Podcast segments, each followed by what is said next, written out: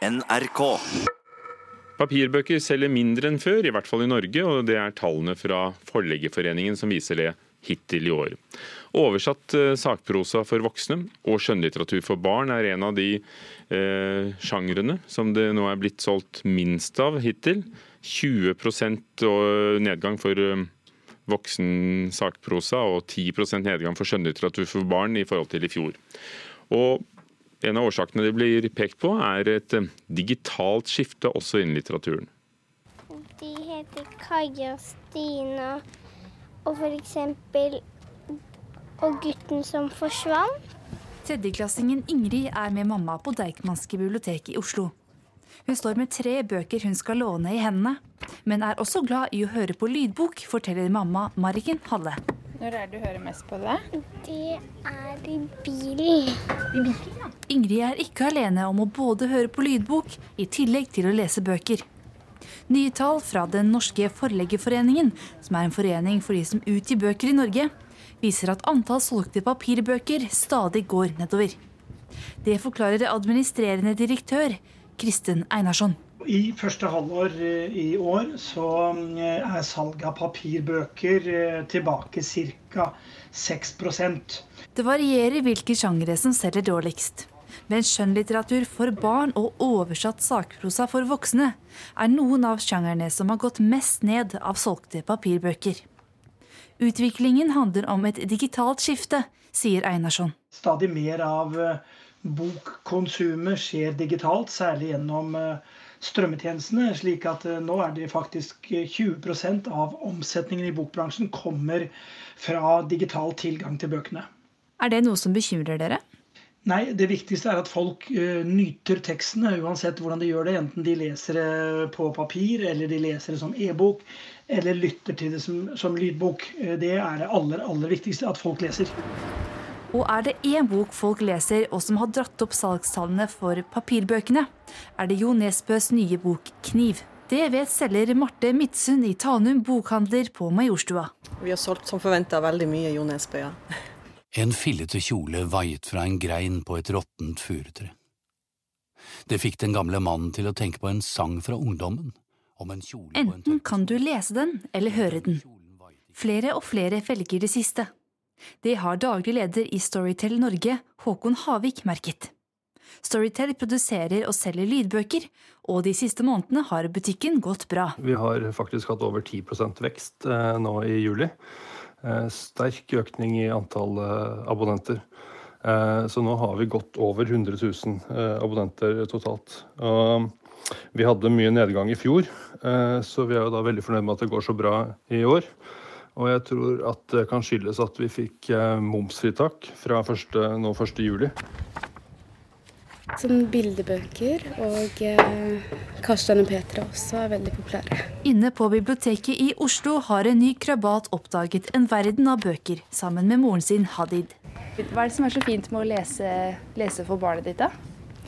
Eh, det å se at hun er eh, interessert i bøker. og blir eh, roligere, da. Av, mer avslappet. Og følger med, egentlig, generelt. Mamma! Se på den, ja. Reporter var Vibeke Sedekvist. Det er altså denne gruppen, de unge leserne. Vi hørte noen her til slutt. Eh, bokbransjen er mest eh, engstelige for å miste. Kan det være sånn kulturkommentator her i NRK, Agnes Moxnes? Ja, Det er jo det veldig mange undersøkelser viser, både i Norge og også utlandet, at det er nettopp ungdom og, og barn som forsvinner fra den tradisjonelle boka. Vi hadde jo en undersøkelse her i vinter som viste at én av fire ungdom aldri leser bøker, altså utenom eh, skolen. Og også nyere forskning viser at unger som har vokst opp med digitale verktøy og forholder seg til det, at det bremser opp evnen deres til konsentrasjon. Og konsentrasjon kreves jo hvis man skal drive på med langlesning. Så dette er absolutt varsko for bokas framtid. Men den samme undersøkelsen viste jo at av dem som leser, så foretrekker de papir. Så da skulle vi kanskje tro at det er likevel eh, et slags håp for papirboken. Ja, Men likevel så er det nedgang. Det er liksom nettopp eh, boksalget på papir som går mest dramatisk nedover. Og det har vært betydelig, og det har gått over i alle fall de siste to, tre, fire årene. Eh, og det viser jo til gangs at vi er inne i et slags hamskifte, en, om, eh, en overgangsfase. Eh, både hvordan vi leser bøker, hva slags format vi leser, og kanskje også hva slags type bøker vi kommer til å lese i framtida. I fjor så falt bokomsetningen i Norge med 8 det var et høyt tall, men på vinteren og våren i år så var tallet dramatisk mye høyere. Men så kunne man puste litt lettet ut, for så kom Jo Nesbø på markedet, og da er det mye som ordner seg. Her bokmarkedet og det lesende publikum i Norge så lite at én eh, bestselger av en roman slår ut på statistikken? Ja, det gjør altså I Norge så er bokmarkedet så lite at når Jo Nesbø kommer sammen med Ingvar Rambjørnsen eh, i år, så er det med på å løfte hele omsetningen. så Derfor så kom, blir tallene for eh, halvårstallene nå for 2019 slett ikke så aller, aller verst. Men det gjelder også altså verden for øvrig, at man er blitt mer og mer avhengig av superselgerne for å få hjulene til å gå rundt. Det er jo da for bransjen, men eh, for folk flest som eh, Hvis vi ser bort fra disse superselgerne, eh, er det sånn at nedgangen kompenseres av flere elektroniske bøker solgt? Eller? Ja, det gjør det. Altså, hadde det ikke vært for lydboka nå, så hadde dette sett skikkelig dårlig ut. Men det er jo eh, Lydboka var en slags sånn perfekt timing da, da mobilen erobret eh, lydboka, eller, eller omvendt. Eh, vi lever i en slags sånn distraksjonstidsalder. Jeg vil helst gjøre veldig mye samtidig, og da er lydboka kjempefin å ha, for du kan liksom sitte på på bussen, motta SMS-er og meldinger, lese nyheter samtidig som du hører på en, en god roman. Men etter en årelang disputt mellom myndighetene og Finansdepartementet og bokbransjen, så forsvant altså momsen på digitale bøker, eh, både den du leser og den du lytter til, eh, i juli. Har, har, det påvirket salget? Kanskje litt tidlig å si, men Vi hørte jo her at eh, lydboka, altså Storytel, mente at det hadde vært med på å øke salget eller, eh, av, av bøker, lesing av, av, lydbøker nå i juli. Men det blir veldig interessant å følge med på det, om prisen faktisk faller med 25 for det er jo sånn at Når det gjelder både e-bøker og lydbøker, så er det veldig mange som like gjerne går inn og leier og, og låner og kjøper bøker fra utenlandske selskaper som de gjør det fra norske. Og Da er pris utrolig viktig eh, for at man skal vinne den konkurransen der. Og da leser vi kanskje nesten like mye bare utenlandsk? Det gjør vi nok helt sikkert. Altså, lesingen av utenlandske bøker i, i, Norge er nok kanskje større enn det vi egentlig har full oversikt over. Takk skal du ha. Agnes Moxnes, kulturkommentator.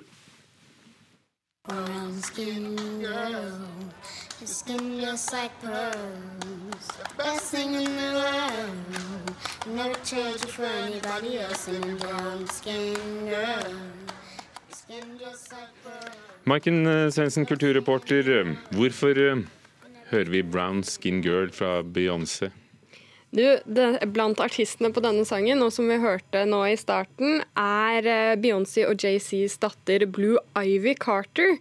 Og denne sangen den har nå nådd 76.-plass på den amerikanske hitlisten Billboard Top 100. Mm.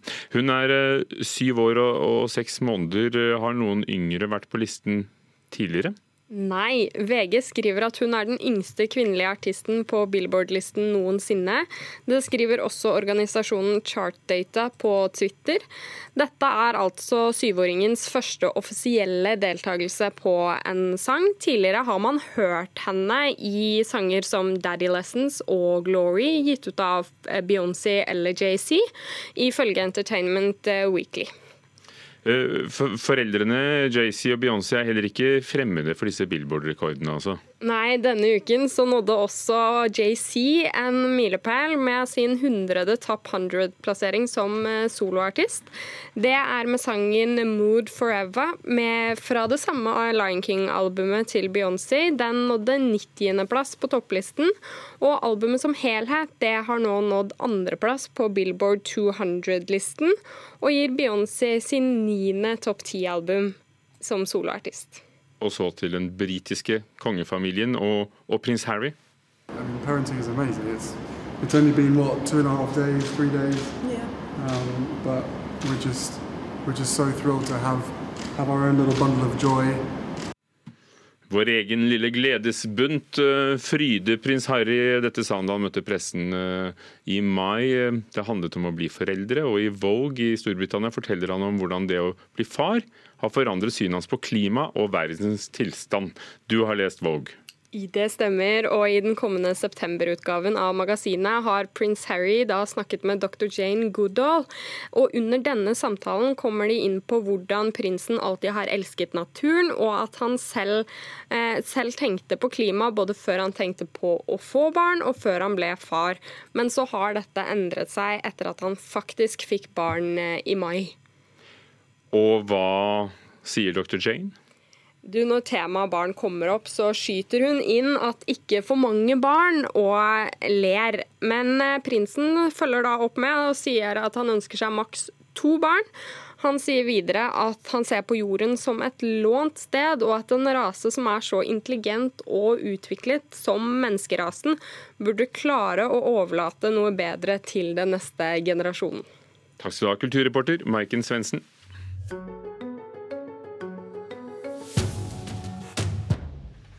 Jeg vet ikke om det var plutselig for prins Harry, men eh, spørsmålet for mange er hvordan er det å få barn, og kanskje litt sånn uventet. Det er tema i debutromanen 'Velkommen til dyrehagen' av Silje Beking Flemmen. Shana Fevang Matai, litteraturanmelder her i NRK, du har lest boken, og skal vi begynne der? Jeg sa det jo så vidt, men, men hva handler det om? Ja, altså denne boka handler da om Lisa, som egentlig var fast bestemt på ikke få barn, eh, men nå har hun fått eh, barn nummer to. Så den handler om barseltid og foreldreskap, men jeg syns også den handler om veldig mye mer. Man får mye mer på kjøpet. Eh, og jeg syns at eh, dette er en helt nydelig debut.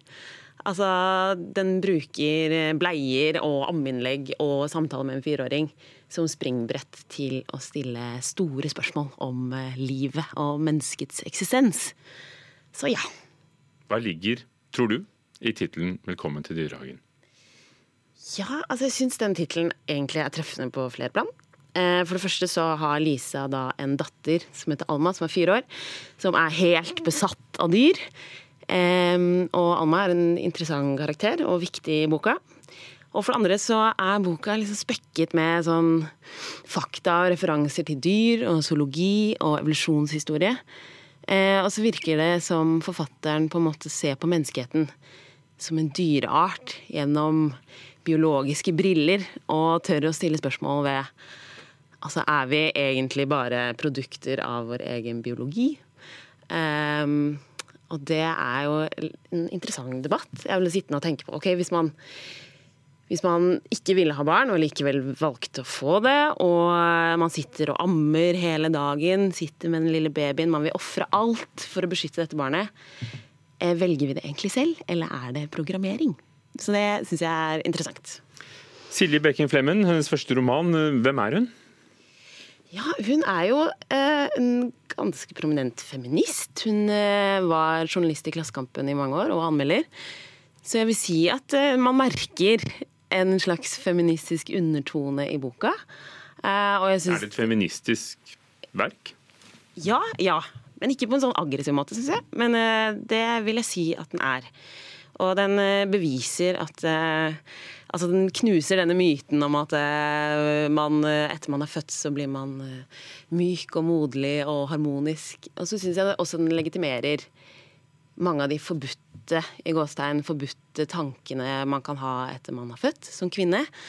og mange av de paradoksale følelsene man får. Og så syns jeg også den setter en finger på forskjellsbehandlingen mellom menn og kvinner. Eh, når de skal få barn eller har fått barn. Så Det er tydelig at temaene opptar deg. Men hva gjør den til god litteratur, som jeg aner at du syns?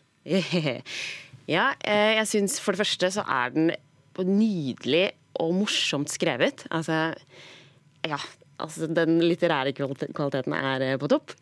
Og for det andre så, så vidt jeg vet, så har det ikke blitt skrevet om barsel og småbarnsliv på denne måten før. Eh, og så er den litt sånn deilig filosofisk. Eh, så jeg tenker at eh, denne må man lese. Takk skal du ha. Velkommen til Dyrehagen, altså debutromanen til Silje Beking Flemmen, som du hadde lest foreløpig for oss, Shana Fevang Matai, litteraturanmelder.